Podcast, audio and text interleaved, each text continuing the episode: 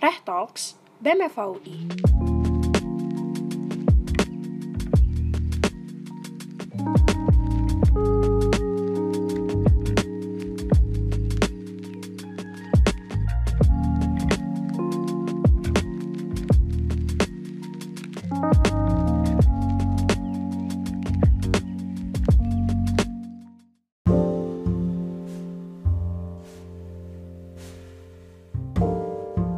Halo Abang Ba dan teman-teman semua. Selamat datang di Rex Talks, kanal podcast resmi Badan Eksekutif Mahasiswa Fakultas Hukum Universitas Indonesia. Perkenalkan, nama saya Adi, wakil Kepala Departemen Seni dan Budaya BEM FHUI, sekaligus host pada episode kali ini. Nah, episode kali ini merupakan episode kolaborasi antara Departemen Seni dan Budaya serta Biro Hubungan Masyarakat dalam rangka memperingati Hari Batik Nasional. Dengan judul Batik Kembali Membudaya, kita kedatangan tamu spesial, Raspati Hafiz Budi atau yang biasa disapa Dires. Pada tahun 2011, ia mendirikan Bluesville, sebuah brand fashion asal Jakarta bersama dua orang temannya, yaitu Osi dan Dana. Sejak berdirinya Bluesville 2011, mereka memfokuskan diri memproduksi pakaian-pakaian beraliran American casual dengan approach warna biru natural atau yang bisa dikenal dengan natural indigo dyeing. Serta yang berhubungan dengan hari ini, mereka menggunakan motif-motif batik modern pada produknya. Tanpa berbasa-basi lebih lanjut, langsung saja kita sapa Kak Dires. Halo Kak. Halo halo Adi, halo semuanya. Cie. Apa kabar Kak? Baik baik, baik banget. Iya. Kesibukannya lagi apa nih Kak sekarang? Sekarang kalau sebenarnya gua itu uh, kayak yang tadi Adi udah bilang, sekarang running Bluesville sebagai uh, creative directornya sekarang sama kebetulan gue juga ngeran uh, salah satu komunitas denim lah ya di Indonesia namanya Darahku Biru gitu. Dabir ya bahasa singkatan nih biasanya. Iya benar. Adi anak Dabir nih kayaknya. Enggak ya? Iya anak Dabir, tapi bukan angkatan tua kayak 2009 gitu enggak. Nah, Nah, sebelum kita lebih lanjut lagi nih ngobrolnya mungkin kita ke yang agak basic dulu. Kan sekarang 2 Oktober nih uh, hari batik. Kira-kira ada apa sih Kak di hari ini dan kenapa hari batik gitu? dari batik ya. Ini gue juga agak-agak ini sih ya, baru menyadari hari batik juga mungkin sekitar lima tahun atau enam tahun lalu gitu ya, yang emang eh, baru diresmikan juga kali ya sama Indonesia gitu sebagai hari batik. Karena emang apa ya, kalau gue sih ngeliatnya kayak eh, ini batik tuh salah satu peninggalan sejarah yang bisa dibilang jadi identitas Indonesia banget gitu. Dan mungkin dijadiin hari batik juga karena kita merasa terancam gitu batik diklaim oleh negara lain gitu ya. Kita nggak usah sebut ya negaranya cuman eh, makanya akhirnya ya, oleh si Indonesia dijadikan hari yang emang eh, formal gitu ya jadi sebuah hari batik nah sebenarnya sih kalau dibilang hari batik itu spesial buat gua juga itu karena ya yang gua lakukan sekarang itu nggak jauh-jauh dari batik gitu ya nggak jauh-jauh dari eh, eh, preservasi tradisi Indonesia gitu. Oh, oke. Jadi mungkin aku mau nambahin dikit juga. Jadi ceritanya itu kalau yang kita ketemu nih yang udah kita kumpulin jadi Hari Batik itu pertama kalinya di bawah Indonesia waktu itu lagi konvensi UNESCO gitulah. Hmm. Konvensinya itu Convention on the Cultural Diversity di tanggal 2 Oktober 2009. Kemudian diratifikasi melalui Kepres nomor 33 tahun 2009. Akhirnya eh, berarti mulai berapa tahun yang lalu ya? 2009 ke 2021 ada 11 tahun. 12 Hmm. tahun deh, ada 12 tahun kita udah ngerayain hari batik. Yang aku menarik kenapa waktu itu memilih untuk ngekontak Kak Dires dari Bluesville adalah eh, Bluesville itu kan munculnya pada tahun 2011 dan Dabir Darahku Biru itu kan ramenya mungkin bisa dibilang pakaian-pakaian American Jap apa gitu ya Japanese Americana lah bahasa Ya. mungkin term aku kalau salah mungkin tolong dikoreksi Ya.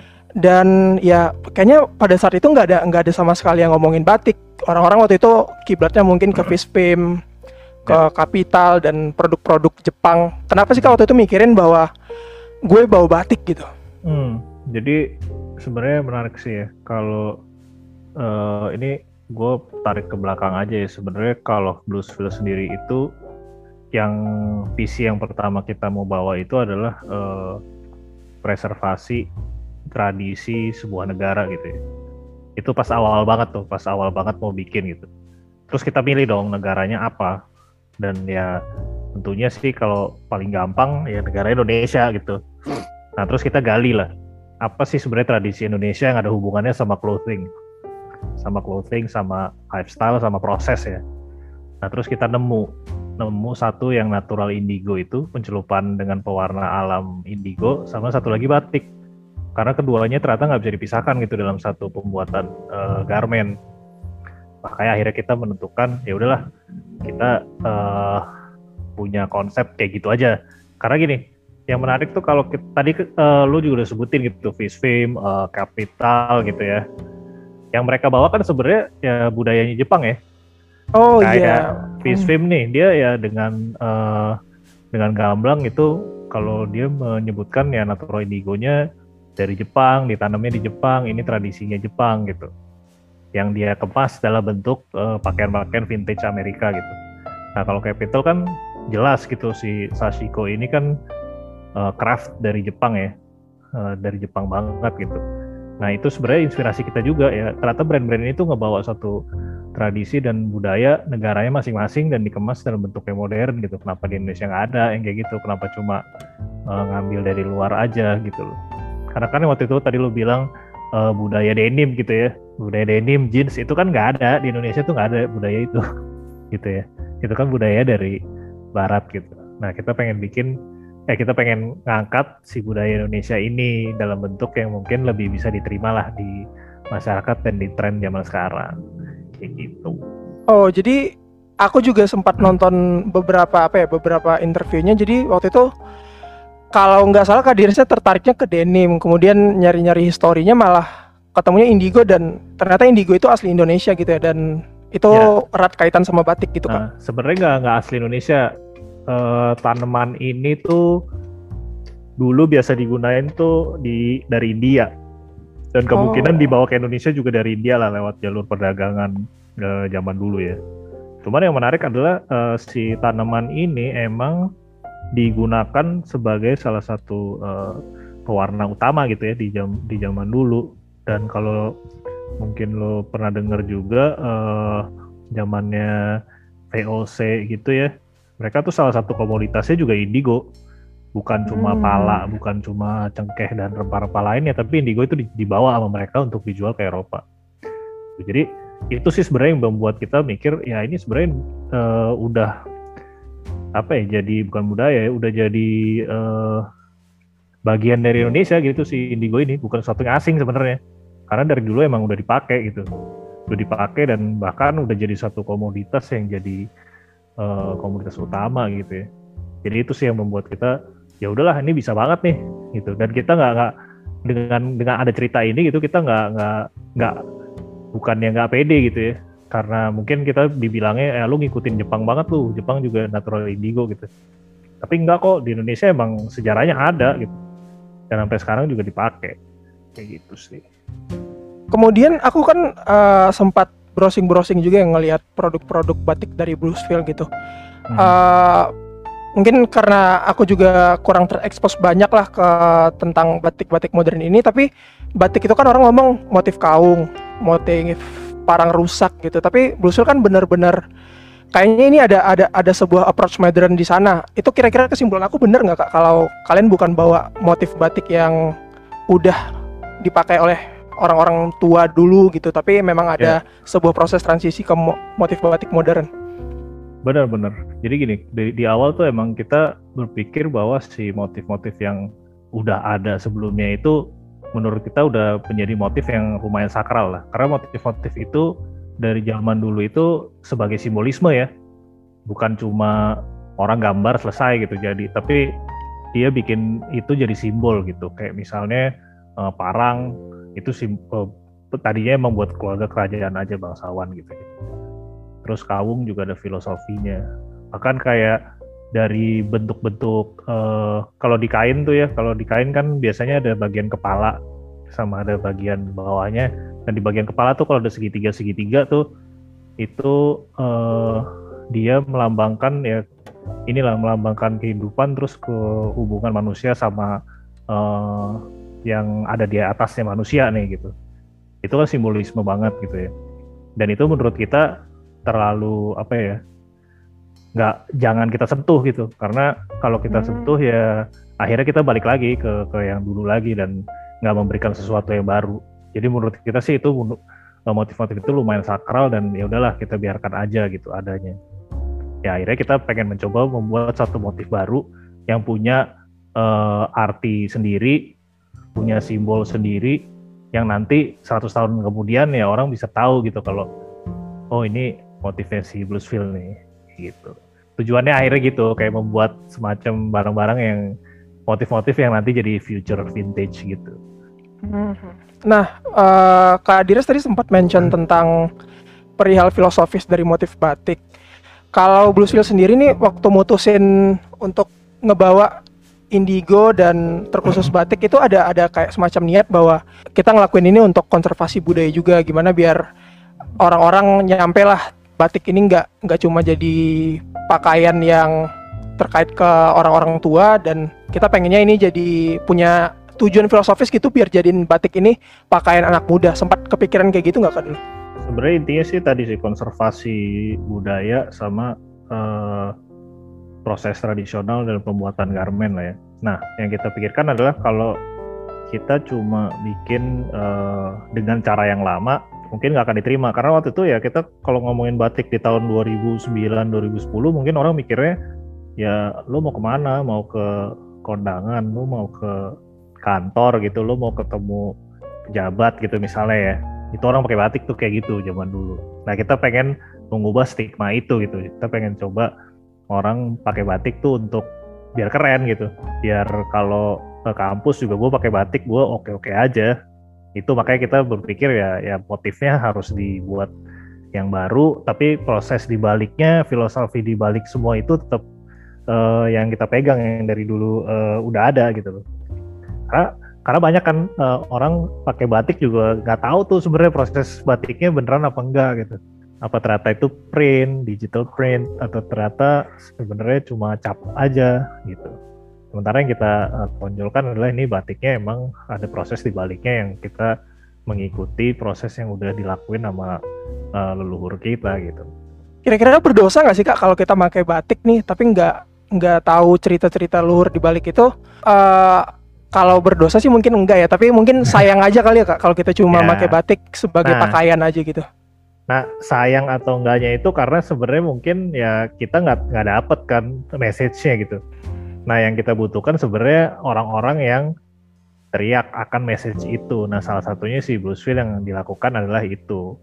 Gitu loh. Karena yang kita selalu bilang batik itu kalau gue gue pasti bilang batik kalau gue ngerjainnya bener-bener pakai canting gitu. Baru gue akan bilang batik. Gue nggak akan bilang kalau print kayak bandana yang lagi lo pakai batik gue nggak akan bilang itu karena bukan gitu. Jadi yang menurut kita sih batik bukan hanya motif tapi proses yang terjadi di baliknya gitu. Nah terus eh, berdosa apa enggak ya ya enggak lah.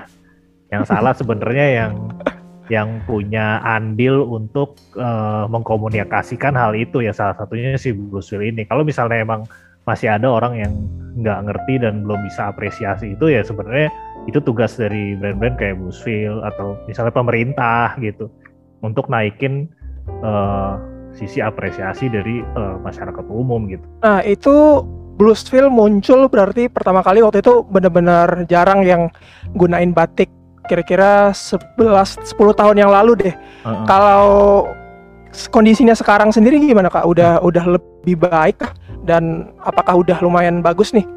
Ya kondisinya sih bagus banget ya menurut gua ya. Karena gini, kalau dulu tuh pertama kita bikin eh, yang nyediain supplier indigo aja tuh cuma mungkin satu dua orang gitu. Dan sekarang udah banyak gitu ya. Bahkan sekarang sebenarnya Bluesville sendiri udah nan- nanam sendiri ya si indigonya. Gue udah punya kebun sendiri, bikin indigo sendiri gitu. Dengan eh, ya terus bermunculan lah ya brand-brand yang mirip kayak si Bluesville dengan konsep yang mirip.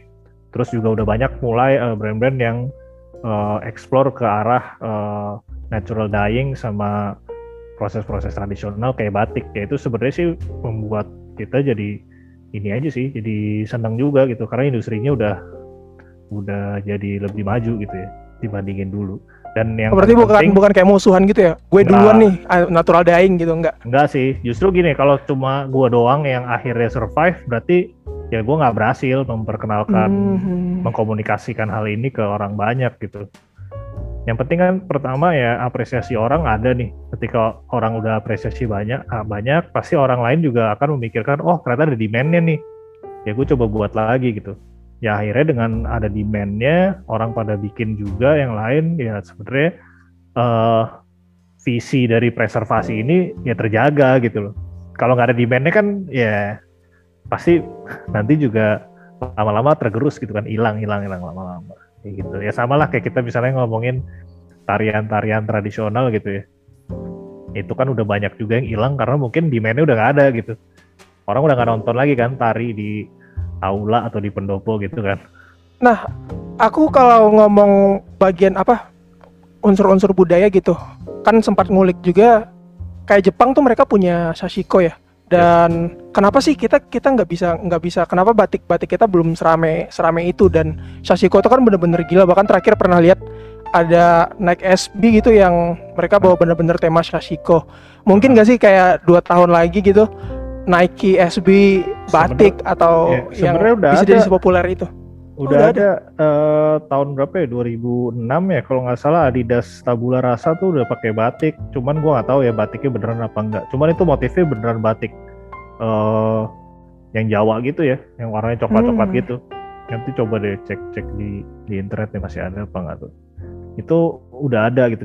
Cuman ya tadi mungkin nama Indonesia sendiri baru menarik didengar mungkin baru berapa tahun belakangan gitu kan setelah kita menjadi eh, rakyat pengguna sosial media terbesar misalnya baru Hmm. orang ngelirik tuh Indonesia gitu. Dulu mana dulu mana tertarik gitu kan. Sementara kalau Jepang ya beda lah. Dia dari dulu juga dari tahun 80 juga desainernya udah masuk ke eh, Paris Fashion Week gitu ya. Jadinya orang juga pasti akan nge-explore gitu. Wah ternyata Jepang negaranya menarik nih gitu. Kalau Indonesia kan enggak gitu ya. Ya pastilah kayak misalnya orang-orang luar mungkin taunya Bali doang gitu ya. Masih terjadi tuh ya kan? Sampai sekarang masih terjadi gitu. Karena ya itu nama brand si Indonesia-nya belum kuat di luar gitu. Nama negaranya sendiri aja belum kuat. Dan mungkin yang orang tahu negara Indonesia ya satu penduduknya banyak. Eh, pengguna internetnya juga eh, pengguna sosial media banyak. Cuman mereka belum tahu kalau ada sisi-sisi kreatif sama eh, budaya yang menarik yang bisa dieksplor gitu on, on Kira-kira progress apa tuh, on progress yang yang yang bisa kita lakukan lah sebagai mungkin kalau lo mungkin pandangannya dari orang industri ya. Uh, Terus Ya. kalau mungkin kita ke anak muda gimana sih biar bisa jadi sepopuler bor- budaya Boro Jepang sashikonya itu gimana cara kita ngebawa batiknya bisa sampai Eh, sana. ini sih kalau menurut gue ya sekarang kan kekuatan kita di anak muda tuh eh, create something ya create something yang emang ngebawa si budaya Indonesianya ini sih. Dalam arti ini misalnya nggak usah bikin bajunya tapi ketika lo eh, bikin film gitu misalnya ya ini yang paling gampang masuk ke masyarakat umum gitu sebuah film. Ya yang lo tampilin tuh bisa aja bajunya pakainya ada batiknya gitu ya. Tapi batiknya mungkin yang modern yang bisa orang langsung lihat ih ini apaan nih? Keren gitu gue mau pakai. Ya gitu. Atau misalnya ya eh, di musik gitu ya lu bawa tuh si eh, tangga nada Jawa gitu ya masukin ke dalam musik lo gitu. Sebenarnya kan itu yang eh, mungkin akan bisa lebih diterima gitu di masyarakat umum ya. Kayak gitu. Dan eh, satu lagi ya eh, effort pemerintah sih sebenarnya yang paling penting ya. Maksudnya eh, di Indonesia sekarang demam K-pop juga nggak dibentuk dalam 1-2 tahun gitu. Itu mungkin 10-15 tahun yang lalu gitu kan. Dengan restorannya dulu, Korea masuk, masuk ke K-dramanya di sini kan. Nah itu sebenarnya yang dilakukan pemerintah sih arahnya emang ke sana juga gitu, menjual Indonesia melalui eh, budayanya melalui kreasinya juga gitu. Nah ya kalau mau hubungin sama anak muda tanpa menunggu bantuan pemerintah, langsung aja create sesuatu yang emang ngebawa nama Indonesianya gitu ya. Kayak gitu. Tapi dalam- kalau, dalam kalau- proses kalau itu- Jepang tuh kayak gitu tuh. Jepang kalau gue perhatiin ya yang mereka bawa pasti emang kekuatan si budaya Jepangnya gitu. Kayak misalnya di game ya, kita ngomongin game deh. Game Jepang ya lo settingannya settingan Hmm, medievalnya oke. Jepang aja menarik banget kan orang langsung Keren tertarik gitu gitu, ya. wah gila gue mau lah main jadi ninja jadi Iya, samurai bener, gitu bener, kan nah di Indonesia kalau bisa nggak kita bikin yang sesuatu yang sama gitu mirip lah kayak gitu.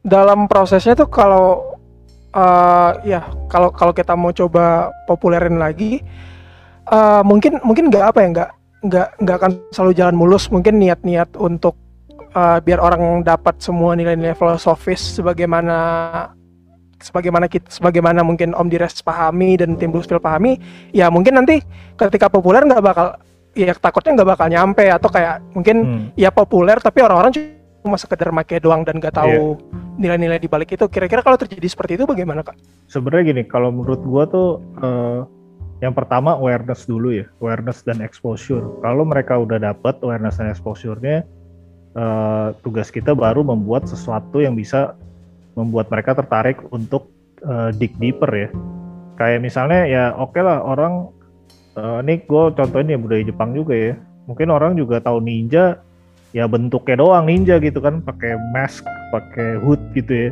Cuman kan mereka nggak tahu nih sejarahnya apa, filosofi di baliknya apa. Ternyata mereka spy, ternyata mereka nggak harus pakai pakaian kayak gitu gitu kan. Itu nggak ada yang Hmm. eh, nggak banyak gitu yang tahu mungkin ya. Ya sama aja kayak di mungkin di Indonesia juga gitu. Yang penting mereka tahu dulu nih. Oh si batik tuh kayak gini, keren nih gitu motifnya. Baru nanti kalau kita bisa komunikasikan, oh ternyata proses di baliknya kayak gini loh, ceritanya kayak gini filosofi gitu. Ya itu baru nanti ada orang yang emang eh, akan dig deeper selalu kayak gitu sih.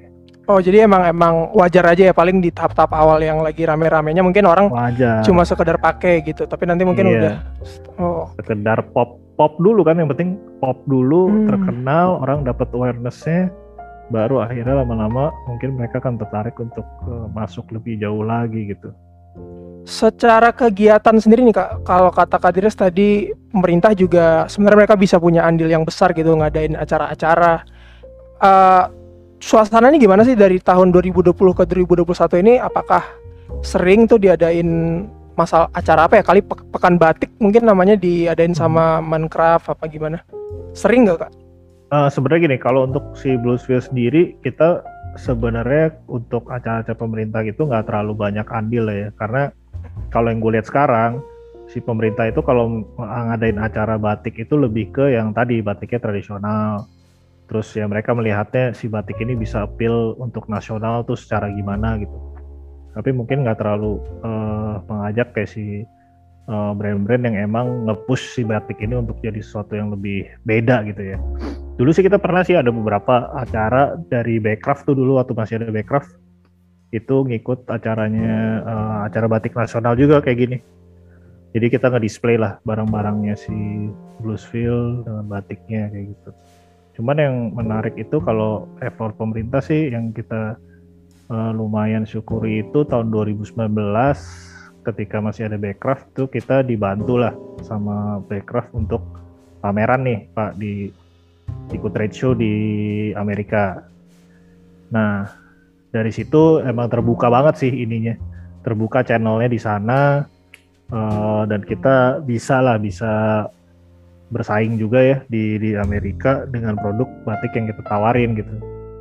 Bahkan waktu di trade show itu kita bawa tuh ada canting, ada malam gitu ya, Hmm. taruh di mejanya dan itu jadi eh, opening conversation gitu dengan eh, orang-orang yang lewat. Mereka nanya apa nih gitu. Akhirnya kita ngobrol tentang itu gitu. Dan akhirnya mereka oke gue tertarik nih kayak gitu loh. Jadi sebenarnya yang kayak gitu-gitu sih yang harus mungkin eh, effortnya oleh pemerintah gitu ya untuk ngebantu brand-brand yang kayak Bluesville itu mencoba nyebarin si komunikasiin tentang si batik dalam bentuk yang lebih modern gitu. Persentase customer luar negeri itu berapa berapa banyak sih kalau Bluesville? Karena Kalau kita nih pernah pernah apa ya kak? Kayak ngulik masalah statistik gitu ya. Aha. Produksi batik 2019-2020 itu naik, tapi malah lebih banyak ke impornya. Kalau Bluesville sendiri? Eh, ekspor maksudnya. Jadi Ya. konsumsi dalam negerinya nurun malahan dari tahun 2019-2020. Kalau Bluesville gimana kak? Kalau kita sih sekarang mungkin cuma ada 10 sampai 20 persen lah ya dari customer luar negeri karena eh, tadi si e- effort marketing kita emang lebih banyak di nasional dulu karena ya lumayan gede ya pasarnya di Indonesia. Sementara kalau kita mau targetin keluar itu bakal uh, butuh cost yang lebih besar ya. Makanya kita coba targetin di situ dulu. Karena yang jadi uh, target kita dalam lima tahun terakhir itu adalah uh, ngebenerin si proses internal lah. Seperti tadi kayak kita punya sekarang udah punya kebun indigonya sendiri, terus uh, nge-perfect lagi tentang si ngebatiknya kayak apa, kayak gitu sih. Jadi emang marketingnya masih di uh, nasional ini. Oh, 10 sampai 20 persen itu baru orang yes, luar ya gitu. Yeah. Uh, mungkin sebagai apa juga nih untuk sebagai kesimpulannya juga mungkin Kak Dires ada apa nggak harapan gitu untuk anak-anak muda kemudian untuk industri orang-orang pelaku industri batik uh, apakah ke depannya kita harus saling bahu membahu atau atau gimana? Ada ada harapan gitu kak? Harapan ya? Ya sebenarnya sih harapannya lebih banyak lagi sih yang bisa ngeksplor batik menjadi sesuatu yang lebih baru aja ya. Lebih menarik lah dibandingin kita eksplornya yang itu itu lagi gitu. Dan baik lagi sih menurut gue uh, penting banget sih untuk preservasi si proses batik yang tradisional ini gitu karena ini jadi identitas Indonesia dan menurut gue sih identitasnya bukan cuma motif tapi proses dibaliknya ya kayak gitu dan kalau emang uh, kita bisa nge-push bareng-bareng nih batik ke level yang lebih tinggi sih menurut gue baru saatnya nanti uh, ngejual ke luar negerinya lebih enak gitu ya dibandingin cuma ngejual uh, apa yang udah ada sekarang ini. Kalau untuk anak mudanya sendiri gimana kak? Anak muda ya, ya mungkin lebih apresiasi lagi aja sih sama batik, tapi ya itu uh, harapannya mereka juga lumayan menggali lebih lah tentang si batik, tentang prosesnya, filosofi di baliknya gitu. Jadi nggak sekedar melihat batik sebagai ya udah ini pakaian bapak gua gitu atau ya udah nih identitas Indonesia aja gitu tapi kalau dia ngegali lagi uh, ningkatin apresiasinya pasti sih itu bakal jadi sesuatu yang apa ya bagus juga buat mereka ya karena mereka bisa tahu lah lebih jauh tentang si apa bagaimana jadi orang Indonesia tuh ya dari batik ini juga gitu.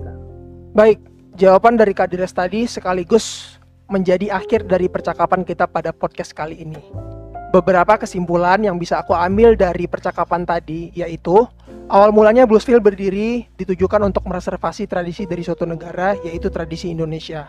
Dalam proses mereservasi itulah mereka menemukan bahwa natural indigo dan batik adalah dua unsur yang tidak dapat dipisahkan dalam pembuatan garment.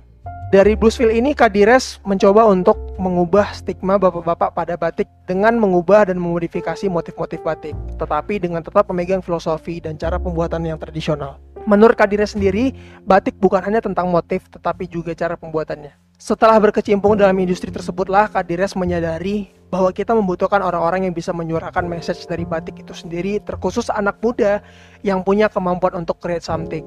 Gak harus kita mempromosikannya itu dengan cara konvensional, tapi juga dengan cara-cara kehidupan kita sehari-hari atau dengan dari karya-karya yang kita buat. Misalnya, seniman bisa membuat lagu-lagu yang menceritakan bagaimana keindahan-keindahan budaya Indonesia, serta mungkin pembuat film bisa nyisipin unsur-unsur batik dalam filmnya sehingga penonton Indonesia ataupun mancanegara jadi tertarik. Pemerintah dalam konservasi ini juga harus memberikan bantuan baik itu kepada pelaku ataupun pengguna batik agar budaya kita ini makin membudaya. Semoga dengan adanya podcast ini, anak muda serta pelaku industri fashion pendengar Rek Talks bisa kembali memudayakan batik sebagai budaya asli Indonesia serta bangga akan budaya bangsa, yaitu batik. Terima kasih kepada Om Dires selaku pembicara pada Rek Talks episode kali ini. Jangan lupa follow akun Instagram BMFAUI serta Bluesville. BMFAUI 2021 selaras kembangkan cita.